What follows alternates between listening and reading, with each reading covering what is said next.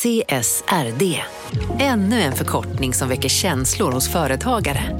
Men lugn, våra rådgivare här på PWC har koll på det som din verksamhet berörs av. Från hållbarhetslösningar och nya regelverk till affärsutveckling och ansvarsfulla AI-strategier.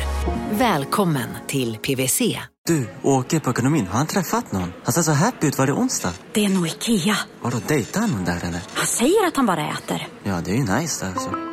Missa inte att onsdagar är happy days på IKEA. Fram till 31 maj äter du som är eller blir IKEA Family-medlem alla varmrätter till halva priset. Välkommen till IKEA.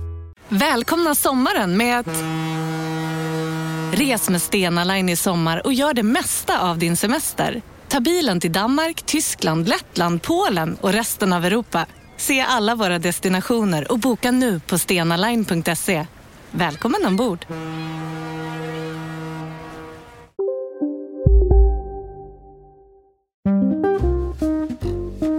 Hej alla, Jakob Bursell här.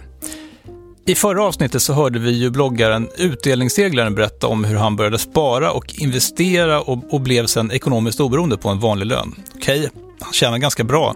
Men hans budskap var och är att vem som helst kan göra det här och bli ekonomiskt oberoende på mellan 7 och 15 år och alltså sluta jobba. En ganska kittlande tanke.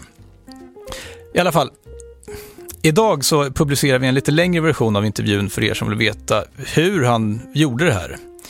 Eh, ska dock säga att utdelningsseglaren vill ju vara anonym, så intervjun som ni kommer att höra är iscensatt med hjälp av skådisen Rickard Ulvshammar, som ni kanske känner igen från Grotesco.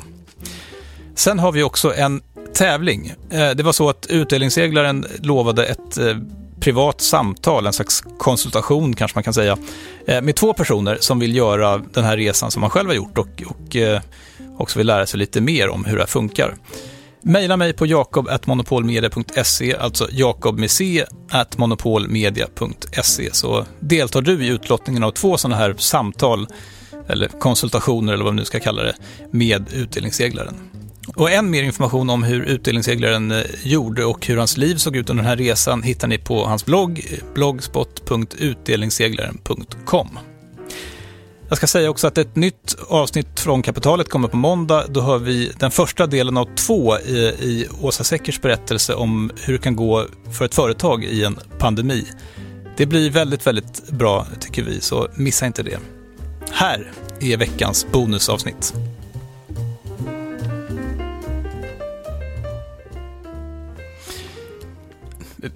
Minns du vad du tänkte första dagen du inte behövde jobba?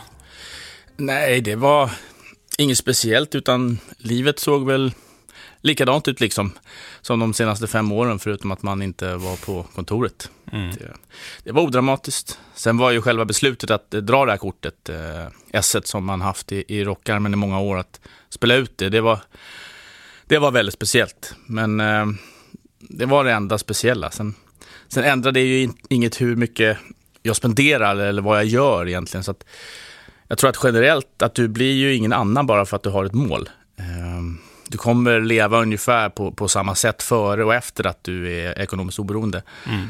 Du, får, eh, du får bara mer tid till dina, dina intressen egentligen.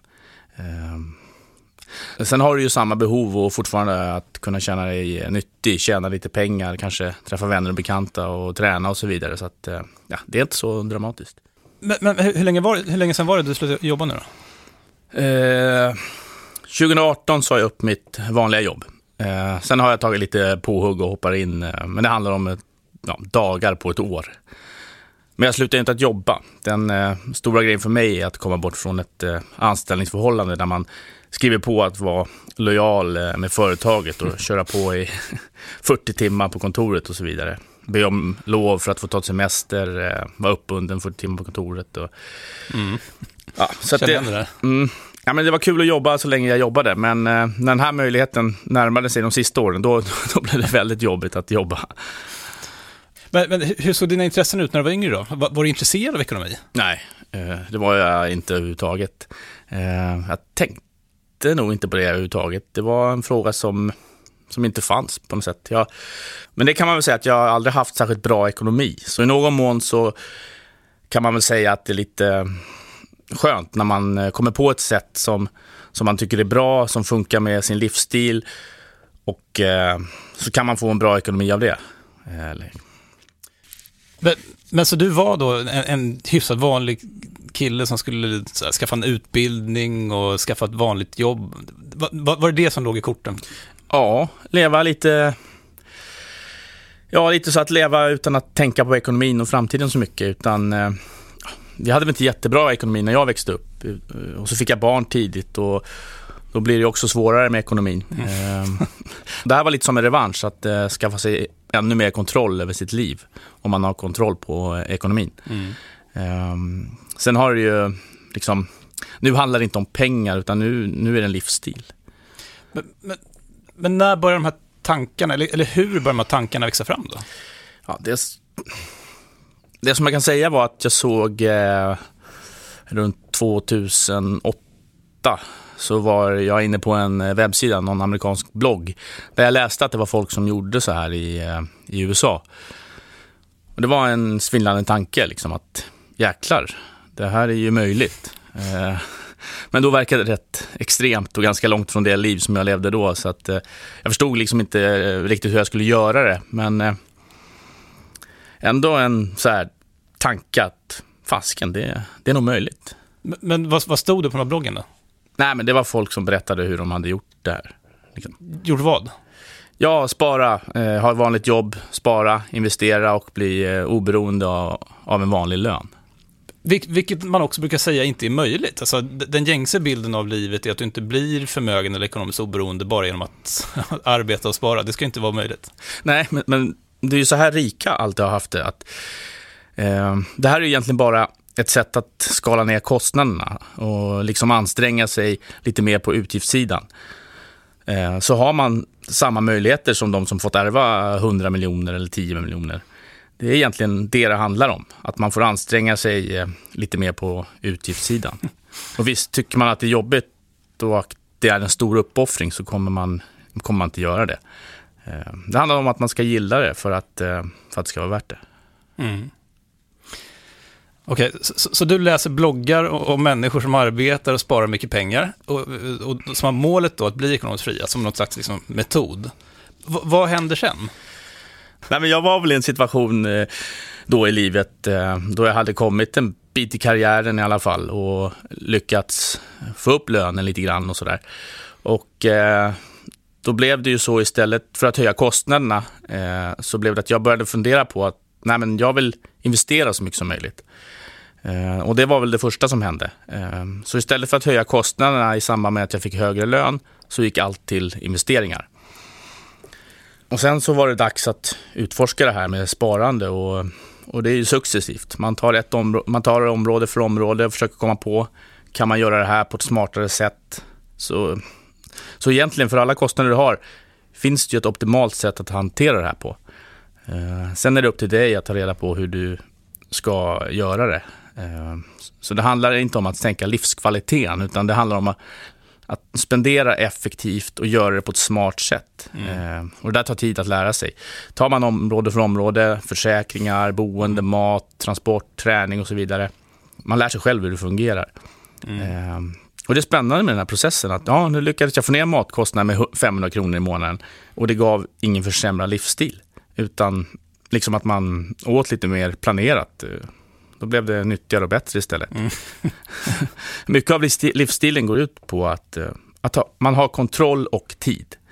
Det är en process under många år där folk försöker få ner kostnaderna utan att tumma på livskvaliteten.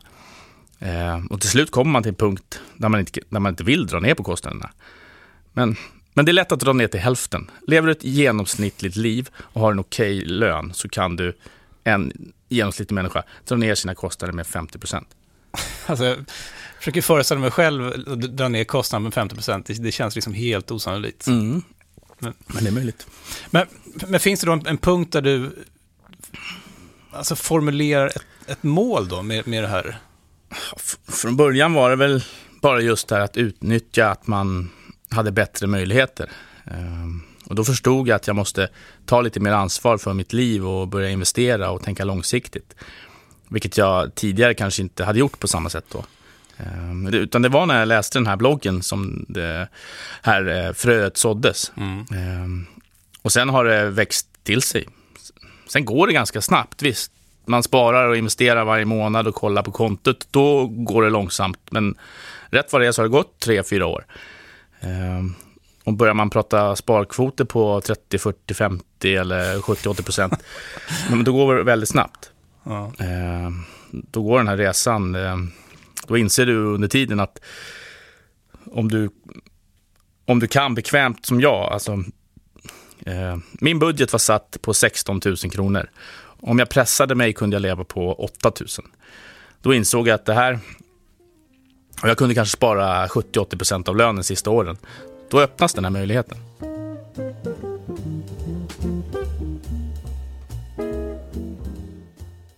Men, hur, mycket, hur mycket pengar sparar du som mest varje månad? Då? Mm, ja, det ja, beror lite på hur man räknar, men på lönen sparade jag kanske drygt 30 000. Och så var det tjänstepension på det och utdelningar. Så det var mycket pengar sista åren. och vad hade du inkomst? Nej, men alltså jag hade en bra lön, absolut. Sen var det ingen fantasilön, men en väldigt bra vanlig lön skulle jag vilja säga att det var. Och det underlättar ju det här. Eh, och då kan man göra det på kortare tid. Men det, det är ju det som är det fina, att istället för att leva lyxliv och köpa onödigt dyra viner, köpa onödigt dyr bil, bo på ett eh, onödigt fint hotell, så, så investerar man pengarna istället. Mm. Men om, om jag då skulle börja med det här, liksom tvåbarnspappa. Mm. Vilken är den lägst hängande frukten i ett hyfsat vanligt liv? Alltså, den lägst hängande frukten är att inte öka livsstilsinflationen i samband med löneförhöjningar. Eh, det är det första. Och det andra är att eh, skippa att köpa den där bilen eller det där onödigt stora boendet. Sen kan man ju ha en del riktiga tjuvar i, i budgeten också. Men, men för mig så hade jag som tur var inte dragit på mig en massa onödiga stora kostnader. Men mina kollegor hade ju det. De, de bodde i stora fina villor i Stockholm som kostade mycket pengar, köpte sportbilar och så vidare. Medan jag fortsatte att leva ett ja, men ganska vanligt liv. Men jag tänkte, det här kräver också att man är beredd att avvika från normen då? Ja, men det finns inga normer. Utan det är någonting som man inbillar sig. Utan det där bestämmer man ju själv. Och den stora grejen där är att man testar, så att säga. Att dra ner kostnaden på något sätt och kolla hur det känns. Och är du nöjd med det, ja. Om du är nöjd med resultatet och tycker du att du lever ett lika bra liv eller ett bättre liv, så varför ska du inte göra det? Fanns det en punkt sen du hade en så konkret plan, det här ska hända? Nej, det var mer som en matematisk formel som löser ut sig själv. Liksom, eh, med de pengar du sparar. När ekonomin blir bättre så blir det att man kan sluta jobba. Så för mig eh, blev det runt 2015, 2016 någonstans som jag kunde leva på utdelningar. Men jag jobbade ju några år till då, eh, utöver det. Liksom. Hur ser en sån här kalkyl ut då? Ja, det finns ju lite olika sätt att räkna på det. Eh, men grunden som de flesta använder är 4 regeln då. Och den går ut på att du, du måste få 4% avkastning per år och sen är det 2% inflation också. Så, att, ehm, så egentligen är det 6 då, i real eh, avkastning eh, minst. Då kan man baklänges räkna ut det. Då är det, det blir i alla fall, om du har en månadskostnad så tar du den gången 300. Alltså som, som du behöver kapital för att leva på utdelningen? Ja, precis. På passiva inkomster så att säga. Ehm, det handlar om att du har en eh, summa investerad och så blir det en fråga om hur mycket pengar du varje år som du ska ta ut av det där så äh, ska vi, om, om, du ska leva på 20 000 i månaden, då ska du ha ja, 6 miljoner. Mm, exakt. Och då går det runt? Ja, precis. Sen är det ju här bara en regel, så att säga. Eh, sen måste man ju ta hänsyn till sin egen situation. Eh, har man några stora investeringar, om man har tjänstepension, kommer man fortsätta jobba och så vidare. Eh, så det där är mer ett grovt sikte, så att säga. Mm. Och i Sverige, om man inte räknar med vanliga pensioner och tjänstepensioner och dessutom hade tänkt jobba lite grann så blir det ju väldigt stora säkerhetsmarginaler. Vilket jag också rekommenderar, därför att annars skapar man en väldigt stress i investeringarna. Ehm, så att det gäller att ha marginal så att man inte behöver oroa sig. Så, så hur investerade du de här pengarna i början då och hur utvecklades den biten med tiden? Ehm, det enklaste var ju egentligen bara att köpa en global fond i princip. Eh, och det funkar alldeles utmärkt. Sen förstod jag att jag behövde utbilda mig själv i ekonomi och privatekonomi. Mm. Det handlar ju om att ta kontroll över ens liv. Eh, och ekonomin eh, är den viktigaste biten. Det är en generellt bra grej att försöka lära sig så mycket som möjligt om ekonomi och om investeringar. Och sen är det så att jag försökte investera själv i aktier och så. Och jag tänker mer på nedsidan än på uppsidan. För det vore hemskt att förlora pengar som man har arbetat ihop genom att spara på lönen. Så, så mm. Och den här 4%-regeln den kräver ju inte så hög avkastning eller risk. Så det går alldeles utmärkt att investera i stabila företag som ger vinst och som eh, sakta höjer sin utdelning. Men ja, när det går bra att investera i en bred, billig global fond eller ETF också. Mm. Alltså, annars är ju aktier en ganska stor tröskel för folk att ta sig över, inbillar mig. Ja, men då får man se aktier som företag egentligen. Det, det är ju vad det är. Eh, det gäller att komma bort från den här eh, greater fools-teorin, där du liksom vill köpa en aktie för att hitta någon annan och sälja den till för ett högre pris. Eh, då investerar man ju inte i företag. Det jag kan rekommendera är att, hitta, att se aktier som att man blir delägare i ett företag, vilket är det enda sunda sättet att se det på. Då ger det sig själv vilka företag man vill investera i. Jag menar, företag som inte gör vinst, det är tveksamt till varför man skulle vilja äga ett företag som inte går med vinst. när du uttrycker på det sättet. Mm. Eh, men, men eh, under de här åren som, som, du har hållit på med det här så har det har ju hänt vid flera tillfällen att börsen har gått ner väldigt mycket. Mm. Och om, om börsen går ner 50%, vad, vad, vad gör du då? Sitter, sitter, du still i båten då? Eller? Nej, men jag har ju förstått när jag läst på att börsen kan gå ner 50% när som helst. Och av vilken anledning som helst, eh, även e- enskilda aktier. Ehm, så det är någonting man måste acceptera. Kan man inte acceptera det så kan man inte hålla på med aktier.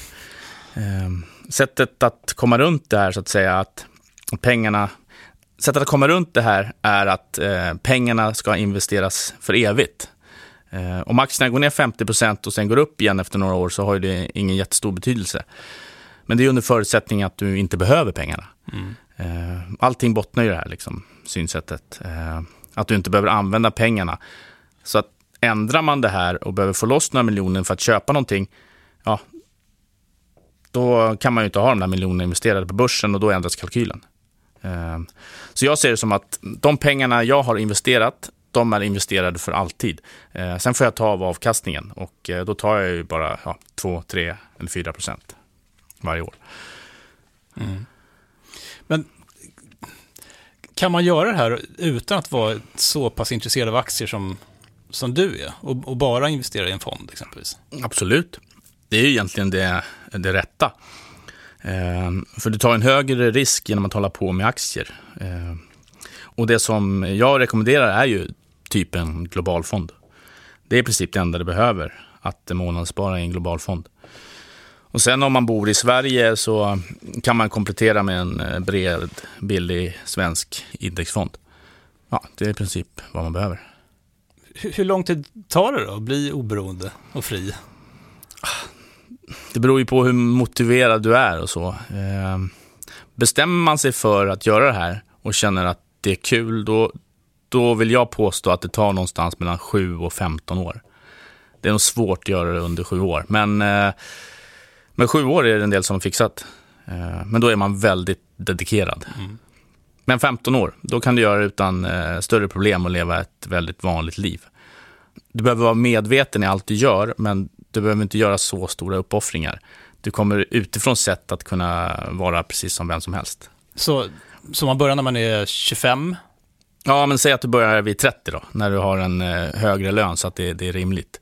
Och då är du 45, mm, då när du kan eh, välja att sluta jobba tio år innan du kan ta ut tjänstepensionen, vilket också ger en eh, extra säkerhetsmarginal. Så i praktiken är det bara tio år som du behöver leva på din portfölj då. Eh, så det blir väldigt bra ekonomi sen när man blir 55 eller riktig pensionär vid 65. Låter ju trevligt att sluta vid 45 ändå. ja, men sluta jobba gör man nog aldrig. Men att ha en vanlig anställning, det har jag svårt att se att jag skulle gå tillbaka till som det är nu. Eh, nu är det mer att man gör saker, eh, startar företag eller konsulta som jag gör nu då. Um, så hur ser ditt liv ut idag då? Ja, det ser ganska exakt ut som det gjorde när jag jobbade. Minus att jag inte är på kontoret 40 timmar i veckan. Så, ja. Men det intressanta nu är ju i coronatider, då så, när fler jobbar hemifrån så är det fler som lever som jag gör. Eh, man är mer hemma och det har varit positivt för mig. Eh, det har varit lättare att träffa kompisar, eh, träna på lunchen med andra. Men annars så behöver man ersätta den här jobbdelen eh, med något annat. Eh, det är inte så svårt. Jag har alltid haft en känsla jag har alltid haft en stark känsla att jag vill bestämma över min egen tid. Eh. Men sen behöver man göra det här också. Och visst, man behöver ersätta nätverket man fick på jobbet. Eh, då får man hålla igång sitt e- eget nätverk och välja ut de personer som man har kontakt med själv. Eh, och du får ju inget gratis, utan du måste se till att ja, man får en bra blandning mellan ansträngning och vila.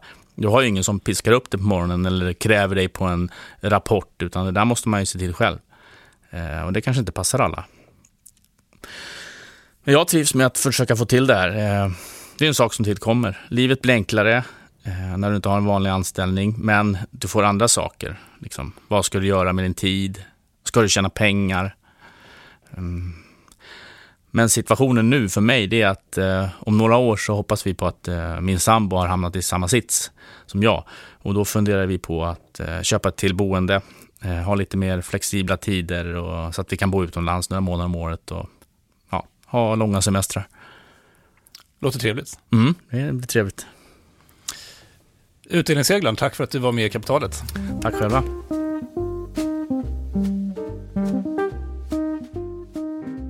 Det här var mitt samtal med skådespelaren Rickard Ulfshammar som alltså framförde en intervju eh, som jag gjorde före jul med bloggaren Utdelningsseglaren. Glöm inte att ni kan vinna en privat konsultation, eller i alla fall ett samtal eh, med utdelningsseglaren. Mejla maila mig, alltså jakob.monopolmedia.se, så deltar du i utlottningen. Vinnarna, två stycken till antalet, meddelas i nästa vecka. Vi är tillbaka med ett vanligt avsnitt av Kapitalet på måndag, precis som vanligt. Då är det Åsa Secker som berättar en intressant historia om eh, verkligheten i en pandemi. Missa inte det. Tack så mycket för att ni lyssnade. Ha det bra. Hej då.